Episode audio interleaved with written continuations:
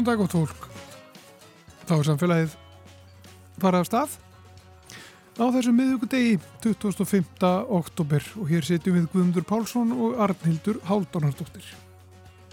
Ímislegt framöndan í dag.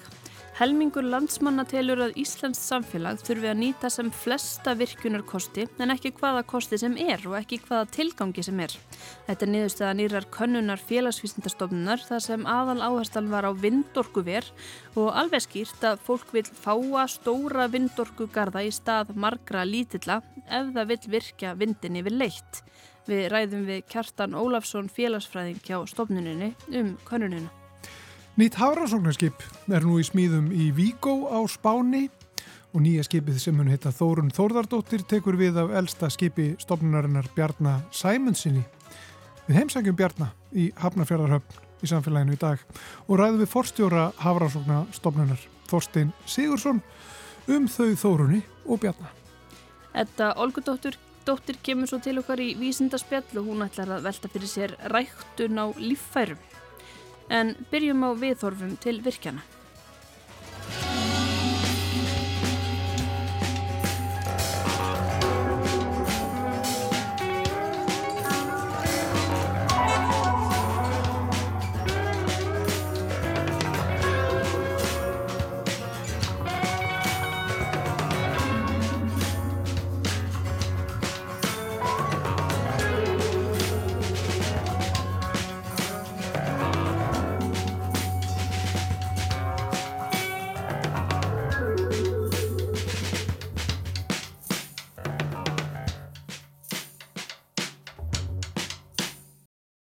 Félagsvísindastöfnun hún kannaði nýlega viðhorf almennings í landinu til virkjana og mismunandi virkjana og mismunandi útgáfu af til dæmis vind orkuverum, jarðvarmavirkunum, fallaðsvirkunum.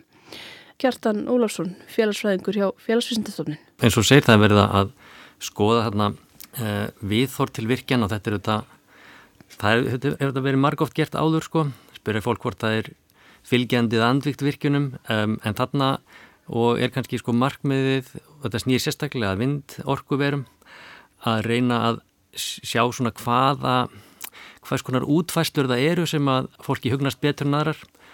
Um, þetta eru kannski ekki svona einfaldar ákvarðanir fyrir samfélagi að taka. Menna Ísland hefur náttúrulega byggt upp mikið af vassorkuverum og jærvarmavirkjunum, fólk þekkir það. Og nú er þetta umræðan um vindorkuver sem að tengist náttúrulega rammaátluninni þannig að þannig verður reyna að meta svona hvers konar útfæslur eru það sem að fólki hugnast betur en aðrar. Og þú ert að fara að halda erendi um nýðustöður þessara konunar á kynningafundi um rammaáallurinn setn í dag. Getur aðeins rifjaða upp bara hvernig vindorku verin tengjast rammaáallun? Lengi vel þá voru þau ekki hlutafinni. Er þau orðin hlutafinni núna og þá með hvaða hætti? Já, þau eru orðin hluti af rammaáallun og það er hægt að byggja vindorkuver sem, sem eru talsvert afkastna meikil og þetta, þetta eru, eru heilmeikil ja, umhverjus áhrif sem eru af þessu. Þannig að rammállinin hefur, hefur tekið þessa, þessar virkjana hugmyndir til skoðunar líka og þessi í raun og veru rannsók sem við gerðum, hún er fyrir svo kallan fagóp þrjú í rammállun. Rammállinin skiptist upp í ólika fagópa sem er að meta uh, áhrif á svona ólika þætti í samfélaginu uh, og fagópur þrjú þeirra svona Eh, sérsvið eru samfélagsleg áhrif og þau sem sagt vildur hennar að kafa nánar ofan í þetta hvernig í húnur vindorkuverinn horfa við fólki. Því að við til dæmis horfum e, svolítið í baksinni speilin sko að kannski við förum 20 ára aftur í tíma þegar kannski umræðum virkjanir á Íslandi var mikið að mótast og þróast. Þá var kannski fókusin mikið á, á vassaflsvirkjanir um, þá til dæmis leit fólk almennt sá að, að jarðvarmavirkjarnir væri miklu betri kostir sko. Uh, svo kannski er byggt meira jarðvarmavirkjunum og þá þetta, sér fólk alls konar anmarka eða kosti og galla, það er ekki fólk, fólki náttúrulega hefur missjafnar skoðan ræðsum en, en eins og með vindorkuverina að það eru ekki mörg vindorkuver á Íslandi bara, þannig að þarna er þetta verið þá að reyna fyrirfram að að sjá hvaða er sem að fólk leggur til grundvallar þegar það horfir á þess álíku virkjanakosti. Og hver er tilgangur með að afla þessara gagna, upplýsinga um hvað almenningi finnst? Hefur hann eitthvað um það að segja í raun? Það er góð spurning. Já, sko, í rammaállun þá hefur þetta verið frá upphafi þessi viðletni til þess að horfa á samfélagslega áhrifi í svona breyðu samhengi.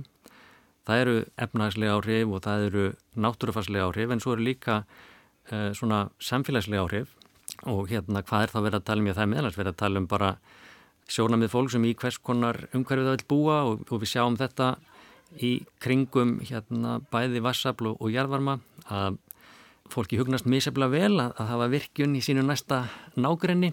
Þegar er, hérna, eru komið upp hugmyndir um virkjanir að þá spretta fram deilur og, og sem að geta og, og hafa stundum langvarandi samfélagslegar afleggingar að þegar að virkjan uppbyggingin er ekki einhvern veginn í almennri sátt að þá er það eitthvað sem getur svona uh, skílið eftir sig sko til dala djúpspor í samfélaginu og þess vegna skiptir máli áður en farir að staða að reyna allavega átt að sjá því hvar, hver eru þau sórnarmið sem þarf að sætta. Já, ég sé átakalínar eða sem, að, sem er uppi. Þú horfir hérna, já, 20 ára eftir í tíman, þá var náttúrulega umræðin um káranhuga virkun, kannski allsráðandi. Þá fór fólk að halla sig meira, vildi fólk halla sig meira jarðvarma virkunum? Já, ef við kannski rifum aðeins upp hérna káranhuga virkun og það kemur nú vel á vondan í því samingi, hérna kom meðan hans að því að, að meta hérna, samfélagsárið þeirra virkjunar um, og á undan Kárnukavirkjun þá voru hugmyndir um virkjun með Eyjabakka í Fljótsdal og Kárnukavirkjun var svona, í einfalda mjög mikið söguna, hún var einhver leiti svona ansvar við þeim hugmyndum og það voru þetta þessi umræða sko, fyrsta leið á að virkja og ekki að virkja og ef að virkja hvers konar virkjanir, vassaflsvirkjanir sem að kalla á uppistöðulón á Hólendinum og síðan jarguvirkjanir sem að hérna kalla á annars konar uppbyggingum og umræðan á þessum árum var kannski svolítið í það að vera að jarguvirkjarna væru en ekki alltaf betri kostur fyrir samfélagið, væri annars konar rask en ég held að árin þar á eftir þá hafi samfélagið svo nátt að segja því að, að, að auðvitað allar svona framkvæmindi fela í sér rask og, og vindorkuverin gera það líka það þarf að horfa og það er kannski það sem rammaállunir reynir að gera, er að horfa á þetta hildstætt, alla kosti sem eru á borðinu. Og ef við bara skoðum aðeins niðurstöðu þessarar könnunar, þið voruð auðvitað að spyrja þessara venjulegu spurningar, ertu með eða mótið því að virka meira? En svo fóruðu líka svolítið dýbra í þetta og það er ímislegt sem komið ljós. Og það, og það er kannski pínu svona hugmynd í þessari rannsók, það er að hérna gefa fólki valkosti sko, ef þú ferð og ætlar að köpa nýjan bíl sko, hérna þó að þetta séu þetta ekki alveg sambarilegt, en, en, en já, þegar fólk er beðum að, að svona taka afstöð til þess út frá fórsendunni ef á, á virkja meira, hérna finnst þetta betra að virkja vassafl, jærgufu eða, eða vindorku og vassaflvirkjaninnar fá það svona aðeins meiri stuðning og það er áhugavert í ljósess að það hefur kannski svona sögulega verið svolítið látök um það. Við getum líka séð þetta að stuðningurinn er mismunandi eftir búsettu, eftir aldri, kynferði. Þannig að stuðningur við vassaflsvirkjanir, hann er kannski svona mestur í dreifðarbygðum við utan höfðborgina hjá þeim sem eru eldri. Og það kom mér ávart sko að hérna vindorkan skildi ekki fá svona meira fylgi, ef við kallaðum það þannig, um, vegna þess að hún er kannski mest svona óskrifa blad og ég ætla að við ljósi sögunar þá hefði ég haldið að, að það væri kannski svona kostur sem að almenningum myndi að segja já, mér hugnast þetta ágætlega en það er kannski svona ekki margir í Íslandi sem hafa reynslu af því að búa inn í nági við vindorkuveri eða, eða sjá þau daglega sko. Já, þannig að þetta er kannski meira bara svona óttinn þá við óþægta sem að afhjúpast þarna. Fólk svona er minna til í vindorkuverin. Að vísu voru konur meira spenntari fyrir vindorkuverum heldur en vassafsvirkjunum var, Jú, var en þetta þurfum að hafa í huga að við stillum fólki þetta upp fyrir því sko að við spyrjum ef á að virka meira sko. Hvaða þessu trennu viltu það gera? Og konurnar og eins og nefndir áðan sko fólk almennt er svona það er, það er, það er svona fleiri í landinu sem eru, eru fylgjandi því að virkja en ekki virkja. En Svo er það auðvitað líka sko, hérna háð svona forsendum sko, fólk lítur auðvitað að spura sig fyrir hvað er verið að virkja og það getur við séð í fortíðin að, að skiptir alltaf málið í hérna umræðunni að fólk vil vita í hvað á notorkuna. Um, Þú vil ekki virka bara blind. Nei og við bökkum sko. Og þið spurðu sko, út í ymsar forsendur hvort að fólk verið til í að gera þetta til þess að reysa gagnaver, til þess að flytja orkuna út um sæstreng vegna lofstafsbreytinga. Já og og við sjáum að ef að fólk er spurt á að virkja meira til þess að einhvern nátt um, orgu skipti, það er eitthvað sem fólk lítur á sem jákvægt, að berja ekkert loftlagsbreytingum en, en síðan er og það hefur alltaf verið svona ekki mikill stuðningur á Íslandi til að virkja fyrir stóriðju eða, og tala ekki um að, til að flytja orgu til, til útlanda. Það hefur, það hefur alltaf verið litið frekkar hotnöga og þegar að umræðan var um, um virkjanir hér á árum áður að þá skipti þetta alltaf mjög mjög máli. Erum við hérna, á að nota orguna í heimabygð sko, eða ekki? Meðal hérna, umræðu kringum blönduvirkjun sko, þar sem að það, það var mjög mikill átakapunktur og, og skildi þetta sem með djúb spór í samfélaginu að, að fólk á því svæði sá svolítið að það var byggvirkjun en hvað gagnast okkur sko. Og þetta var eitthvað sem skoðuðu líka allavega með tilliti til teknana og hvort að hvað fólki finnist um, um tekjur af virkunum, hvert þar þetta renna, hversu mikið sveitafélög þar sem stöðarhúsið er og sveitafélög í grend ætti að hagnast. Var þetta mikið hitamál fyrir fólki? Sko það hefur verið það í gegnum tíðina. Það er, það er þannig að tekjur af virkunum um, sko ef maður hugsa um sko hva, hvers konar tekjur renna til, segjum, til nær samfélagsins að, að þá er það svolítið háð því hvað í hvaða sveitafélagi stöðvarhúsið er því að stöðvarhúsinu eru greitt fastegnagjöld það, það eru kannski svona sjáanlegustu tekjunar sem að verða til í nærsamfélaginu og fyrri í raun og greiningar í kringu rammaállun hafa sínt að efnagslegur ávinningur af virkjunum hann verður ekki bara til það í, kringum viðkomandi virkjun að verður til bara í samfélaginu í held og við erum vera óhátt í hvar virkjan eru byggðar á Íslandi þá verður mest í samfélagslega ávinningur en verður á höfbúkarsvæðinu því þar býr flesta fólkið sko. Hinn efnagslega ávinningur hann, hann fylgir bara þessum svona strau, almennu ströymum í samfélaginu og líka við hugsaum sko eins og Kárnökavirkjun er Kárnökavirkjun fyrir álverið eða fyrir þeim Já, við, og það er meðlega þannig að það bara liggur háspennulína frá Kárnökavirkjum og neyri reyðarfjörð. Mm -hmm. en, en svo er Kárnökavirkjun líka sumleiti fyrir bara Ísland. Það er þá hérna e, það er ekki að virka annar staðar og, og álverið reyðarfjörð hefur ekki bara uh, gerir ekki bara sín viðskipti á reyðarfjörði það gerir sín viðskipti út um alland og ekki síst á höfbúkarsvæðinu þar sem að stór hluti af fyrirtækjum og starfsemi þjóðurnar er. Það kom fram þarna að, að þegar að fólk er að spá í virkjanir að þá er eitthvað sem skiptir það miklu máli það eru áhrifin á álófslægið og svo áhrif á umhverfi Já. og þetta fer kannski ekkit alltaf saman það eru kannski ákveðnir átakalínur stundum Já, ákveðin þversögn Hvað lestu út úr, út úr þessu? Sko, það sem ég les út úr þessu er að fólk vill virkjanir sem búa til atvinnu og búa til ramagn sem hægt er að nota í góða hluti eins og orkuskipti og hérna svo leiðs. En það vil líka virkjanir sem eru í sátt við umhverfið. Þannig að svona hinn fullkomna virkjun virðist vera sko virkjun sem ekki spillir umhverfinu og hérna framleiðir mikið á ramagni. Og það má segja þetta sé, sé, sé tálsín. En, en svo móti getur við þá sagt það er hægt að byggja virkjanir með ýmsum hætti. Það er, það er hægt að útfæra uh, mannvirkin þannig að þau falli mísjaflega vel að umhverfinu það er þetta, ef við hugsaum um vassarfvirkjanir, það er þetta að vera með mísjaflega svona aggressíft input í þessa árfarvegi sem við erum að raska. Þannig að þó svo þetta sé kannski já, svona ósamrýmanlega hlutir sem fólk vil, þá samt sem á að sjáum við kannski einhver leiti þarna gildismatið og eins og nefnir við gerum þarna svona, svona samhliðagreiningu og þetta er svona, svona tekni úr hérna vískildafræðinni, markarsfræðinni þar sem það verður að bjóða fólki upp á valkosti.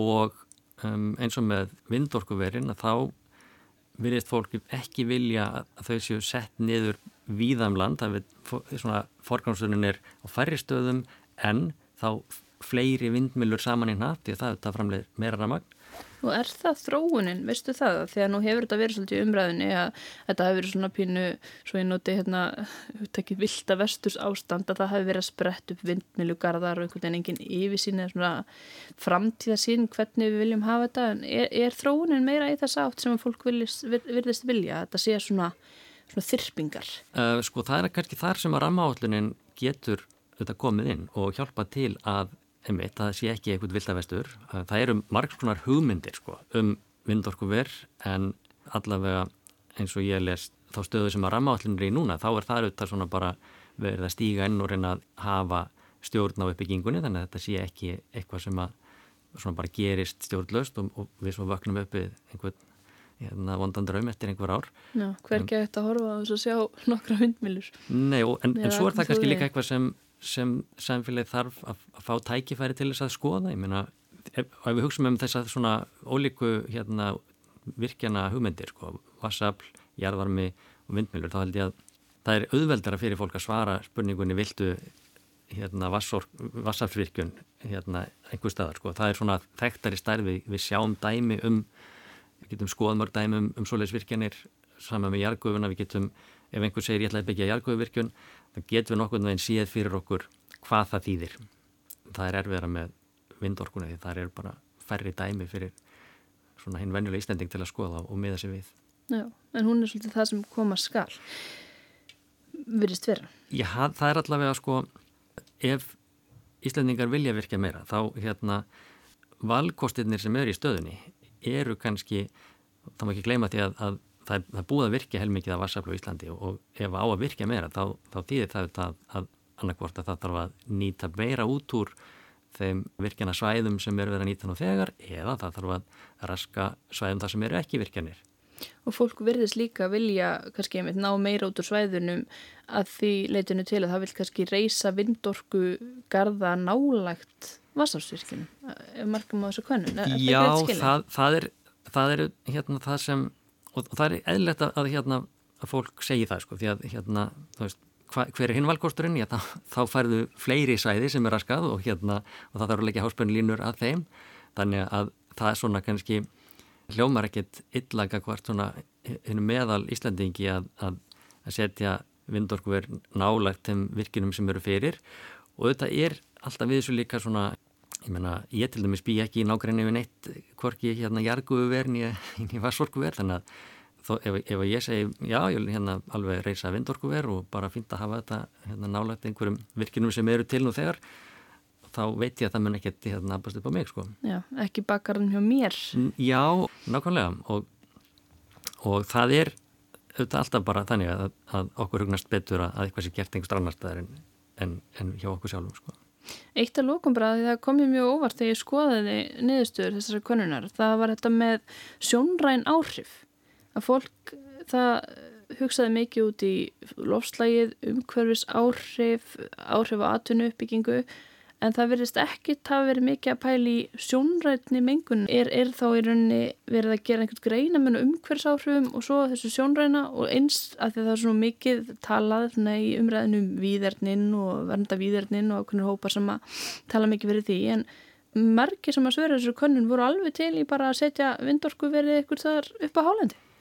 Já, sko þetta kom mér endur ekki ávart uh, vegna þess að sko já, fyrir, fyrir mörgum á Íslandi er výðerni þetta mjög mikilvæg en ekki fyrir öllum. Og hérna e, og við búum í manngerðu umhverfi. Og meiri sé að þau svæðir sem við á Íslandi kannski myndum kalla výðerni að þau hafa samt alveg heilmikið svona mannlegt yngripp og svæði eins og bara margir myndir sannlega kalla svona ekta výðerni hérna norðan vatnajökuls í kringum jökulsóðafjöllum um, það er alveg fullt af manngerðu umhverfi þar. Það eru hérna vegaslóðar og það eru skálar þannig að sko hversu mikið og þetta er aðeins verið ansakað í gegnum tíðina sko fólk vil þetta gerðnan alveg vera í svona einhvers konar ósnortnu výðerni það er hérna alveg svona áhugaverð upplifun en það hversu mikið við stæstum okkur við að, að výðerni sé snert og það sé samt bara í lagi það er kannski meira heldur en svona um, já, við stundum ímyndum okkur og, og þetta, þetta var nú líka aðeins til umfjöllunar fyrir árnu þegar það var talað um til dæmis framkvæmdir í, í landmannalögum og það er kannski sjáum við mjög skýrt svona hvernig þetta svona tókast á. Annars vegar hérna þrá ferðamannsins eftir að upplifa eitthvað sem er svona já, reyn náttúra en það sem er klósett við liðin á og helst kaffjús sem hægt er að, að hérna fara á bara svona þegar þú er búin að stíga aðeins út fyrir hérna þægindaramman og svona bara, svo ferður bara tilbaka. Þannig að, e, nei þetta kom mér ekki orð að, að, að svona meðal almenningur í Íslandi sé kannski ekki óskaplega hérna upptekin af hérna því hvort að það sjást árbennulínur eða, eða vindmjölur. Frá, frá þjóðveginum eða? Já. Einmitt. Takk kærlega fyrir að ræða þetta við mig, Gjartan Ólafsson, uh, sérfræðingur í félagsvísindastofnun. Þú verður með erindi á kynningafundi Rammahallunar á eftir, þannig að ef einhver vill drífa sig, hann hefst núna klukkan tvö. Hva, hvar, hvar er hann? Á þjóðvinniðsefninu. Þar verður farið við meðanlas þessa rannsókn og fleiri sem var mátlurinn stendur fyrir til þess að reyna að skilja svona betur hérna, viðþórn í samfélaginu og þau álita mál sem eru uppi og sem að rammaáallin er auðvitað alltaf að reyna að sæta.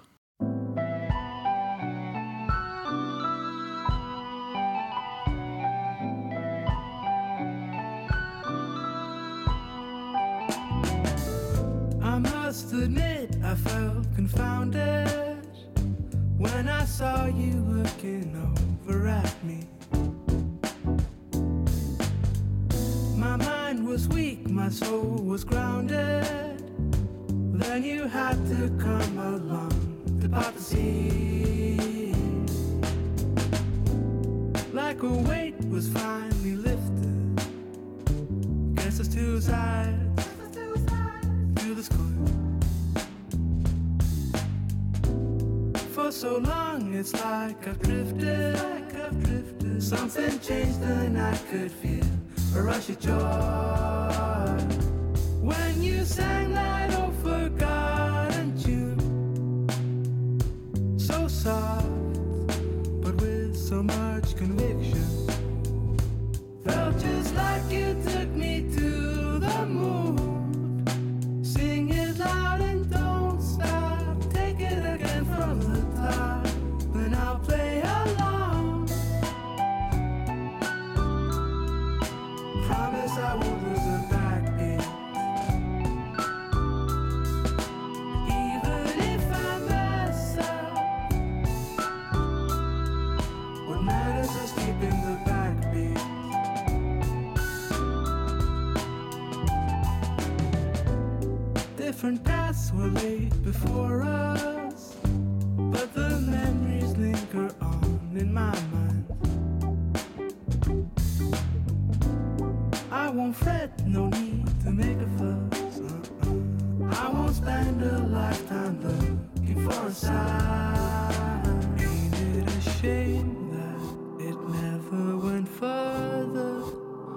at the wall.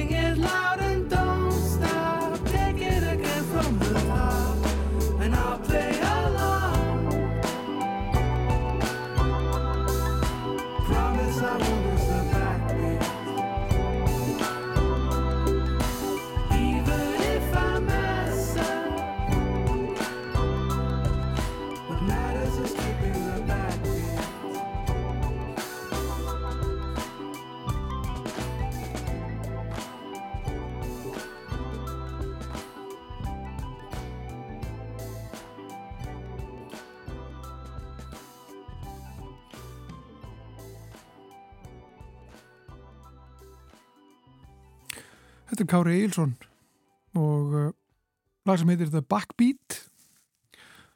Lag af plötun hans Palm Trees in the Snow. En næst ætlum við að fara já ekki út á sjó en uh, næstum því.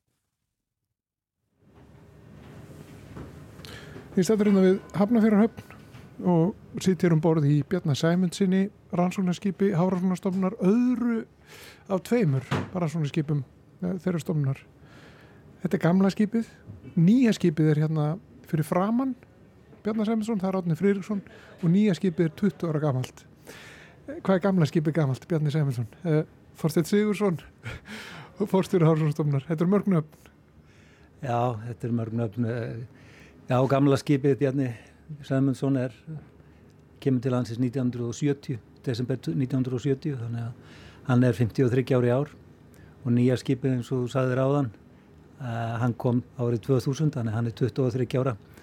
Þannig að þetta eru auðvitað gammalt floti en þetta eru skip sem að hafa skilað sínu og, og virkilega góð, uh, góð skip. Það er að koma nýtt skip, árum tölum við það, tölum við það um, um þetta ágæta skip Bjarnar Sæminsson.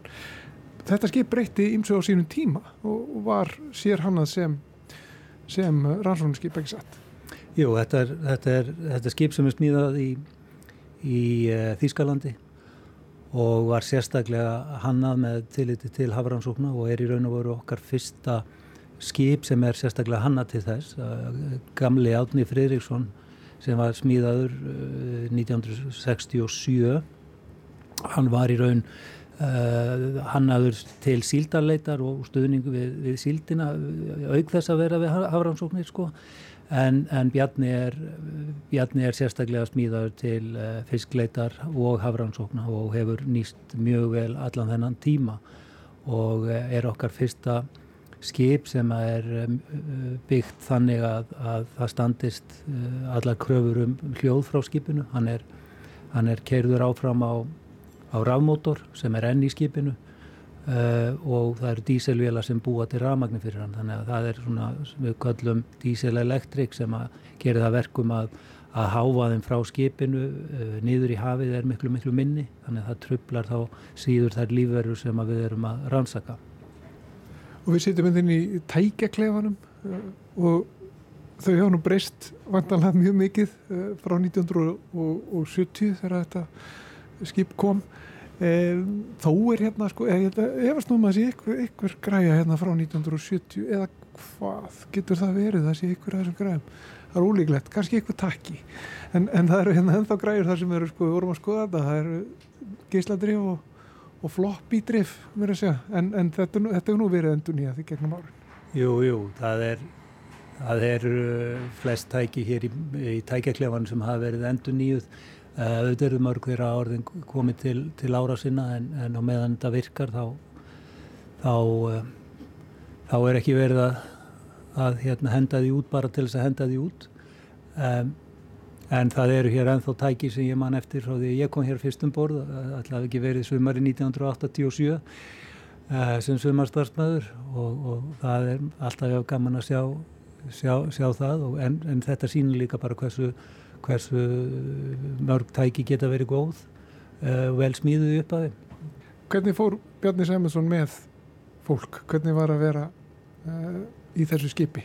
Þau, þau eru misjöfn sko. mis, skip virðast fara misvel með fólk og fólk er mislengi að vennjast uh, skipum og svo framvegis. Er Bjarni gott skip? Bjarni er ákavlega gott, gott skip og fer alveg ótrúlega vel með mann. Hann er svo en svo þægilega reyfingarnar á honum og, og, og, og örugt skip. Þannig að það er alveg samhljómur hjá öllum held ég sem að hafa verið hér um borða hversu, hversu þægilegur hann er. Hann er, eh, er ekki svona sem að segja kvíkur eða með einhverju óvæntar reyfingar og veist nokkur nefn hvað þú hefur hann eh, sem er, sem er mjög gott þegar þú þarfst að standa, standa um borði í skipi á reyfingu um, það er enginn sem hefur sagt að þetta sé ömurlegt sjóskip á nokkurn hátt sko þannig að allavega eru allar uh, allt sem að ég heyri og hef upplifað sjálfur á, á mjög jákvæðu nótum. En auðvitað er hann orðin gammal 53 ára gammal skip er, er svona komið á tíma. Það eru, það eru þó að það veri skiptum uh, hérna rafstöðarnar í honum eða díselvélarnar 2004 þá var, voru aðrir hlutir sem, ekki var hægt að endur nýja það voru spilkerfið er ennþá það sama og eins og við sagðum áðan eh, framdriftsbúnaðurinn eða rafmótorinn sem knýr skrúun áfram hann er ennþá svo sami. Uh, rafkerfið er í grunninn það sama eða stýringin á því. Um, þegar hann var klassaður hérna aðeins upp eins og ég segi 2004 þá þá var uh, aðeins tekið til í, í matsal og öðrum rýmum en, en hann er, hann er, hann er með asbesti þannig að það var eh, hlutir sem ekki mátti eiga við á þeim tíma og, og þess vegna hafa manna íbúðir ekki til dæmis ekki verið, verið endur nýjaður á nokkurn hátt. Þannig að það er svona, er mikið af, af, uppröðunlegu en þá í honum. Og bráðum þá verður honum, honum lagt um, er eitthvað sem hefur gerst á ferli Bjarnar Sæminssonar sem að einhver óhöpp eða er eitthvað í sögu hans sem er svona eitthvað eftirminnlegt Já, kannski eftirminnilegast í núinu er, er, er, er það óhópp sem kom upp fyrir, fyrir já, bara þrejum vikum.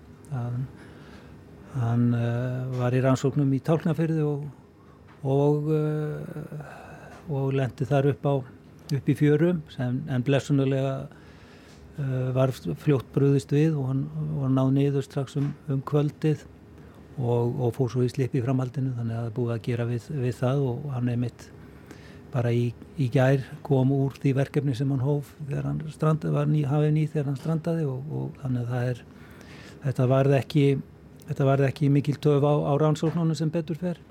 En uh, svo eru þetta sögur frá, frá fyrirtíð, hann, hann fekk einhvern tíman á sér brot hér og, og brúin reyðlaðist eitthvað til en, en það er eina sem ég kveiki á fyrir utan þetta óhafn núna þannig að, að, að hann hefur reynst okkur vel og, og, og farsalega En núna er nýtt skip í, í smíðum og það er komið nafn á það skip, það er Þórun Þóradóttir sem að verður sjósett, er það ekki uh, í Víkó á Spáni núna í desember. Jú, það var gaman að geta sagt frá því í gæri á þessu mikla barótti í Kvenna að, að nafnið er Kvennmannsnafn og fengið frá okkar fyrsta e, fyrstu konu sem var sérmentuð í Hafrannsóknum, Þórunni Þórðardóttir sem var fætt 1925 og, og lést 2007 e, Þórun var uh, mikill frumkvöðul í í eh, frumframleðinni, það er að segja að rannsaka grasið í hafinu, það er semst undirstöðu alls lífkerfisins og, og, og uh, var sem starfsmæður atvinnudeldar háskólans fyrst uh, frá 56 og, og var allar sín starfsferil á Hafrannsóknarstofnum þannig að, að okkur þótti það vel við hæfi að frumkvöðul, fyrsta konan uh, fengi, fengi nafn nýja skipsins og það verður Það verður sett á, sett á skipið þann 15. desember við sjósetninguna. Og sjósetning það þýðir ekki að það sé bara að afenda skipið? Ó nei, það er, það er það, við værum alveg til í að fá það 15. Eh, desember en það er mikið eftir. Það er gert ráð fyrir að, að það verði afhengt í, já, svona undir lok oktobermánaðar að ári. Þannig að það er ennþá mikið eftir og, og en það fer á flót og þá er það hefur mikill áfangi fyrir okkur að, að, að sjá skipið komið á flót því að þetta er búið að vera verkefni sem er búið að, að taka, má segja ára tíi, búið að hanna fram og tilbaka og, og, og það var með ákverðun alþingis 2018 sem að var farið af þessum krafti í. Og, og líka gaman að geta sagt frá því að frá því að var undirritaðu samningur við skipasmíðastöðuna í marsi fyrra þá, má, þá hefur í raun ekki dóvend komið upp og allt er á, allt er á áætlun eh, bæði, í, bæði hvað varðar tímasetningar og, og, og ekki síst mikilvægt að, að, að, fjárhagurinn er innan þess ramma sem alltingi sett okkur. Hvað mun breytast með, með nýju skipi Þórunni Þóradóttur? Eh, það breytist margt með komu Átna Frýrikssonar árið 2000 sem við vorum að tala um áðan það voru nýjar græur og það var önnur svona aðrar velar, öðru þessi velar sem að breyttu ymsu, það var hægt að ekki, var ekki eh, tvö tról í einu, það var ekki eitthvað, eitthvað slíkt eitthvað slíkt tækni og, og svo var þarna þessi um, mælir, dýftamælir eh, sem var hægt að nýta til þess að kortleggja hérna uh, hafsbótnin og það hefur verið gert og breyti mjög miklu er eitthvað svona eitt stórt sem að eða breytir miklu með nýju skipi? Sko fyrir utan að þetta eh, eru, eru að vera aðstæður til rannsóknar allt, allt aðrar heldur en, heldur en er í dag, bæði hvað var þar aðbúnað áhafnar uh, rannsóknarfólks og, og aðstöðu til rannsóknar. Það sem að, það sem að uh, ég held að muni gerast með tilkomu uh, nýja skipsins, þórunar og þeirra áhersluna sem að stjórnvöld er að leggja á uh, varðandi lífræðilegan fjölbreytileika að það muni gjörsamlega umbylta okkar möguleikum í að sinna rannsóknum uh, með myndavélabúnaði og að kortleggja búsvæði og lífræðilega fjölbreytileika í hafinu. Uh, og það er aldrei skemmtilega hvernig þetta talar saman að þegar skipið, skipið kemur til landsins þá er það okkur á öðru ári í þessu sérstaklega átaki sem að margir kalla 30 by 30 eða sem, að, sem gengur undir því gælunafni sem er ekki gott en, en miðar að því að, að fyrir árið 2030 verði, verði komnar á verndar ráðstafanir uh, fyrir alltaf 30% af, af hafsvæðinu haf- og landsvæðum uh, við Ísland. Þannig að, að þetta verður þetta skip verður uh, verður líkillin að því að hægt sé að gera það með farsælum, farsælum, farsælum hætti. En umhverfismálinn, sko, ef við, við tölum á þessu þau og þetta er skip og við vitum að skip þau ganga fyrir uh, náttúrulega ólju uh, hvað, hvernig verður því mætt? Hvernig, hvernig verður þetta skip búið þannig að, að það mæti svona kröfum sem við gerum í dag til, til faratækja eins og skipa?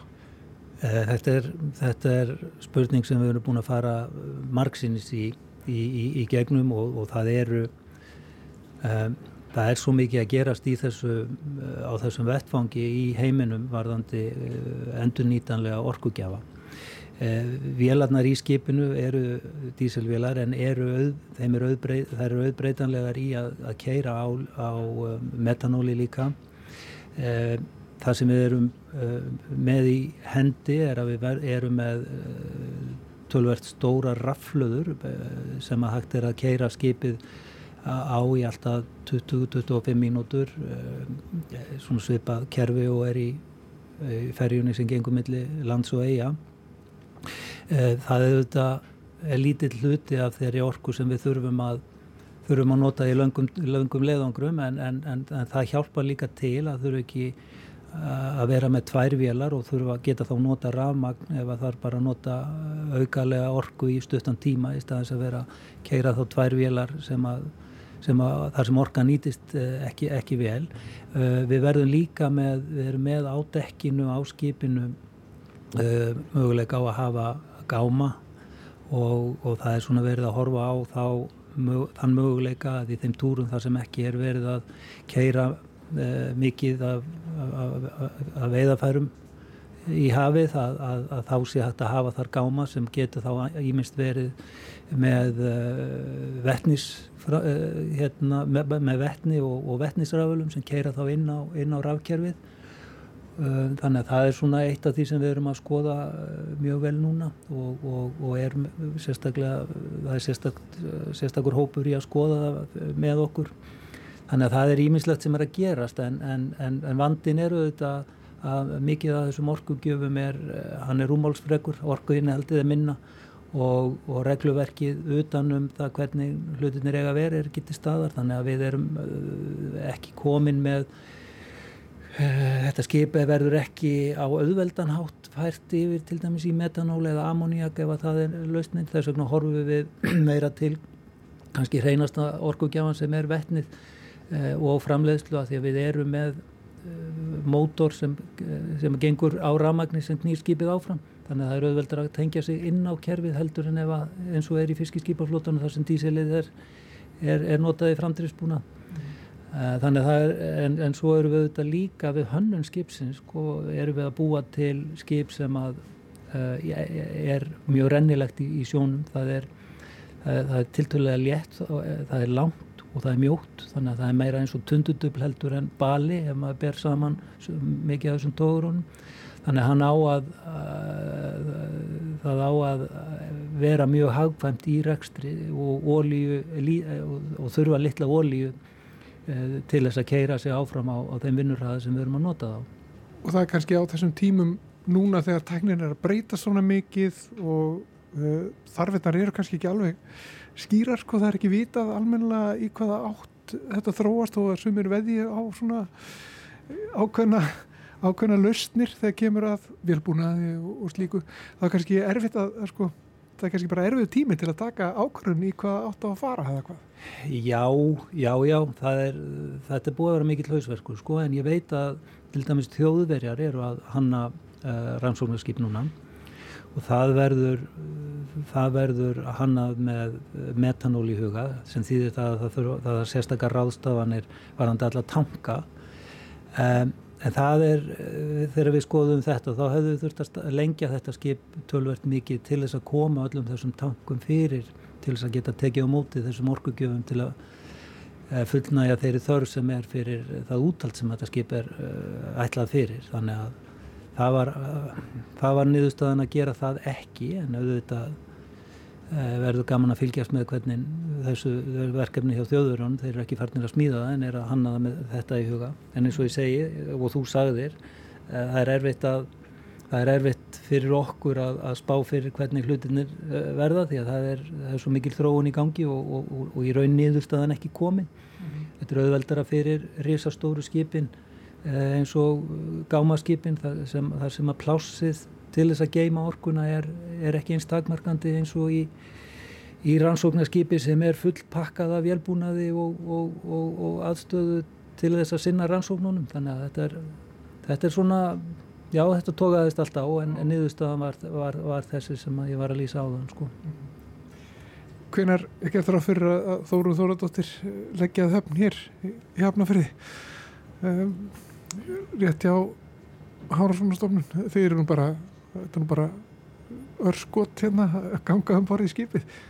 Já, það er nú ekki náma 50 skref hér á, á milli en Eh, ef allt gengur eftir eh, afhending oktober, november á næsta ári þá, þá verður það kannski bara á svipuðum tíma ársins og, og Bjarni Sæmundsson kom hér í desember 1970 53 árum setna það er, það er okkar draumur að, strax, að, að Þórun verði strax komin í, í uh, rekstur hjá okkur á, í upphafi árs 2025 og öll okkar plön með að því Þorstein Sigursson, eh, gaman að koma hérna borði í Bjarnar Semensson, sýta hér í tækjaklefunum með þér. Takk fyrir að segja okkur frá Bjarnar og, og Þórunni. Takk.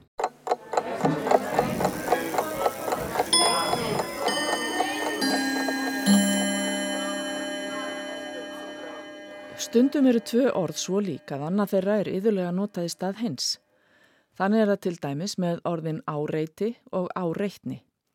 Þessi orð eru bæði lík og skild en merking þeirra er þó alls ekki svo sama. Þau eru bæði dregin af sögninni að áreita. Hún merkir annars vegar að koma fram við einhvern á óviðegandi hátt, appast upp á og misbjóða með hegðun sinni, fara yfir mörg annar mannesku. Hinn merkingsagnarinnar að áreita er að örfa skinnjun eða skinnfæri. Áreiti er myndað af setnimerkingunni og merkir ytri áhrif á skinnfærin, ástand eða atvik sem kalla fram viðbrað. Súmerking er víðari en orðsins áreitni en það má segja að áreiti nái yfir merkingarsvið áreitni.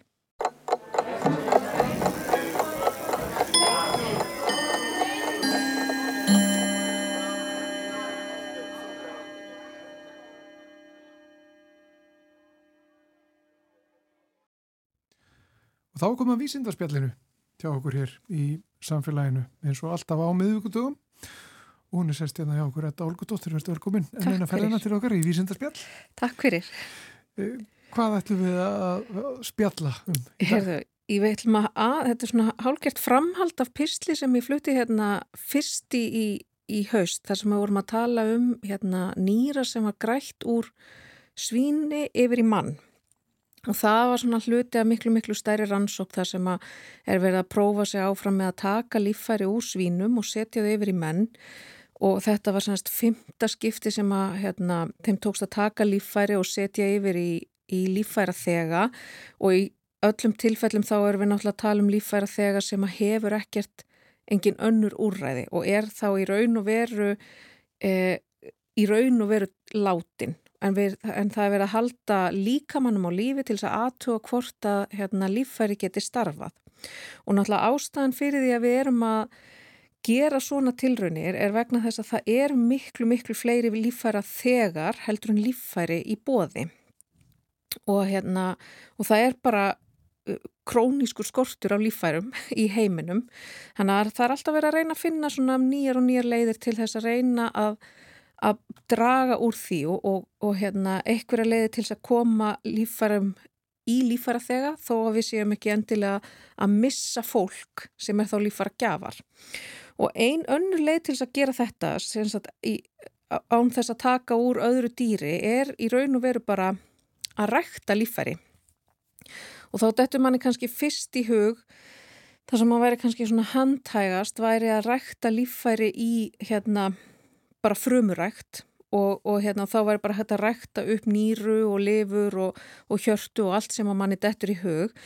En við erum, og það er alveg rannsóknir sem eru í gangi sko, það er verið að reyna að búa til þessi líffæri bara frá grunni.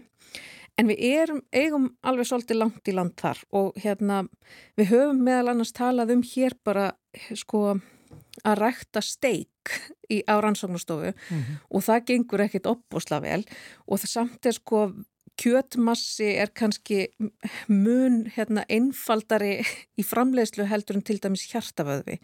Þannig að það er, við erum eigum rosa langt í land áður en við getum farið að, að rækta lífæri Og það er náttúrulega líka vegna þess að þegar að hérna, lífærin okkar er að þroskast í, á fóstur þroska skeiði þá bara gerist ótrúlega margt sem við þekkjum ekki og það bara hérna, verða alls konar efnakvörf sem við höfum ekkert skilgreint.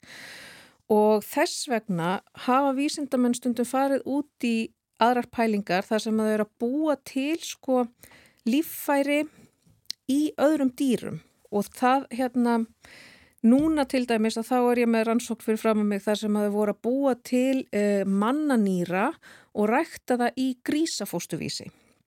Og þarna, nú finnst okkur við svolítið verið að komin út í vísindaskáldsögum sem að er eiginlega svona, við erum alveg að dadra við vísindaskáldsögu hérna. Og þegar ég hérna lasi þessa greina þá hérna rifjaðist upp fyrir mér að ég hef áður talað um svona, þetta heita kýmerur, þeir vera að blanda saman tveimur einstaklingum í fósturvísi. og við höfum talað um svona áður og hérna fyrstu svona rannsóknir sem ég sé eru frá 2017 þar er verið að blanda saman róttum og músum sko. En svo árið 2019 að þá var verið að blanda saman grísa og apafrömmum í fósturvísi. Og svo hérna sá ég að ég var með annan pistil 2021 þar sem að voru sko apafóstuvísar með mannafrömmum og þá er sem sagt tilgangurinn er að blanda hérna saman tveimur dýrategundum og rækta upp uh, líffæri sem að hendar mannesku og í þessari rannsók sem ég er núna með að þar eru þau sagt, með grísa fósturvísa og eru búin að erðabreita þeim stopnfrömmum Þannig að þessir fósturvísar get ekki mynda nýru. Og svo blandaði saman við þessa fósturvísa stoppfrumum úr mönnum og þeir, eh, hérna, þeim er líka erðabreitt til þess að auka líkunar á því að þau geti vaksið í grísa umhverfi eða grísa fóstur umhverfi og svo eru þessi fósturvísa ræktaðir annars vegar bara, til að byrja með bara í skál í árannsóknarstofu og svo eru þeir settir í gildu og látni vaksa allt upp í 28 daga og þá er þeir einangraðar aftur til að skoða hvort að þarna myndist nýra og hvort að það sé þá starfhæft. Og það sem kemur í ljós er að sko eftir 28 daga þá eru nýrun semst farin að myndast. Og það er nú eina ástæðinu fyrir því að þau eru að skoða nýru þar að því að þau myndast mjög snemma í fósturþróska og þegar þau skoða nýruna þá eru þau komin með alla þessa svona helstu byggingar sem þarf þannig að að blóðvögvin er að fara síast þarna í gegn og það er að verða til tengingar við þvagblöðru. Og þetta hérna, nýrað er 50-60% gert úr mannafrömmum, ekki grísafrömmum. Þannig að það er í raun og veru jákvægt, jákvæðar niðurstöður og svo skoðaði líka restina af fóstuvísinum til að skoða sko eru hérna mannafrömmur annar stað líka sem eru, það er mælast alveg en það eru samt í lámarki sem er líka jákvægt. Þannig að þannig eru þau svona setja upp einhvers konar mótel fyrir það að mögulega rækta mannalífæri í öðrum dýrategundum. En það er náttúrulega vakna við þetta alveg ógrinni af síðferðilegum spurningum. Og, hérna, og ég held sko að það sé rosalega mikilvægt að við höldum, tökum þessa umræðu svolítið og ég, hérna, til dæmis eftir að hérna, eftir að grísa apa kýmerurnar eru til og, og hérna apa og manna kýmerurnar eru til að þá var það rosa mikil umræða í fjölmiðlum Erlendis. Þar sem var verið að benda á sko alla þessa siðferðlegu vingla og við viljum til dæmis ekki búa til sko grís sem að hefur einhvers konar heilastarfsemi á við mann. Og það er rosalega mikilvægt að við séum ekki að búa til þetta svona hérna og, ég, og við erum náttúrulega ekki að fara að búa til eitthvað sko hérna grísamann eins og við sjáum fyrir okkur í kvikmyndum sko. En það er hérna við verðum samt að stíga rosalega varlega til jarðar af því að þannig erum við í raun og veru að framlega dýr sem við gerum náttúrulega hérna dagstaglega til sko til að neyta sem matar en þannig erum við að framlega dýr sem við ætlum að nota líffærin úr og við erum að blanda okkar frumum saman við það og við viljum ekki að það hafi áhrif á neitt annað en þetta eina líffæri. Og það er bara ógislega erfitt vegna þess að þegar þú ert að blanda saman hérna stopnfrumum úr tveimur dýrum til að mynda fósturvísi þá ræður því ekkert hvar fruman lendir, hvar stopnfrumurna lenda og hvaða líffæri þær er að fara að gera eða búa til vegna þess að þetta er bara svo ógislega flókin þroskun sem að ásó eftir að eiga sér stað.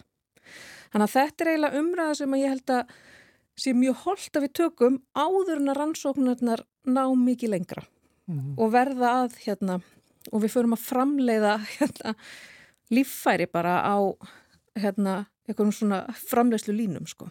Já.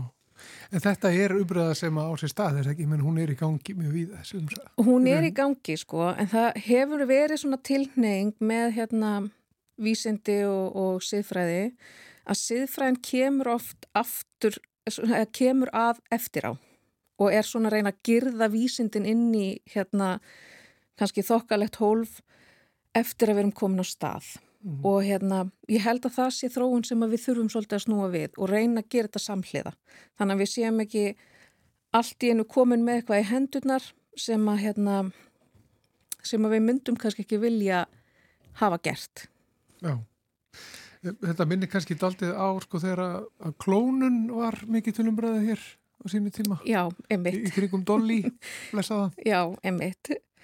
Og það er náttúrulega líka einhver umræðið sem að, hérna, sko, skulum við segja, hérna, stundu fer umræðan út í öfga og við kannski miskiljum alveg hvað er verið að ræða og, og svo það sé líka alveg sagt að þá er hérna Það eru vísinda síðanemdir út um allan heim sem að halda utanum það að til dæmis þessi fósturvísar þeir fá ekki að vaksa lengur enn í 28 daga. En þeir hafa samt vaksi lengur heldur en fósturvísarnir sem eruðu til árið 2021. Þannig að vísinda síðanemdir líka gefa hérna, leifi aðeins lengra fram í tíman.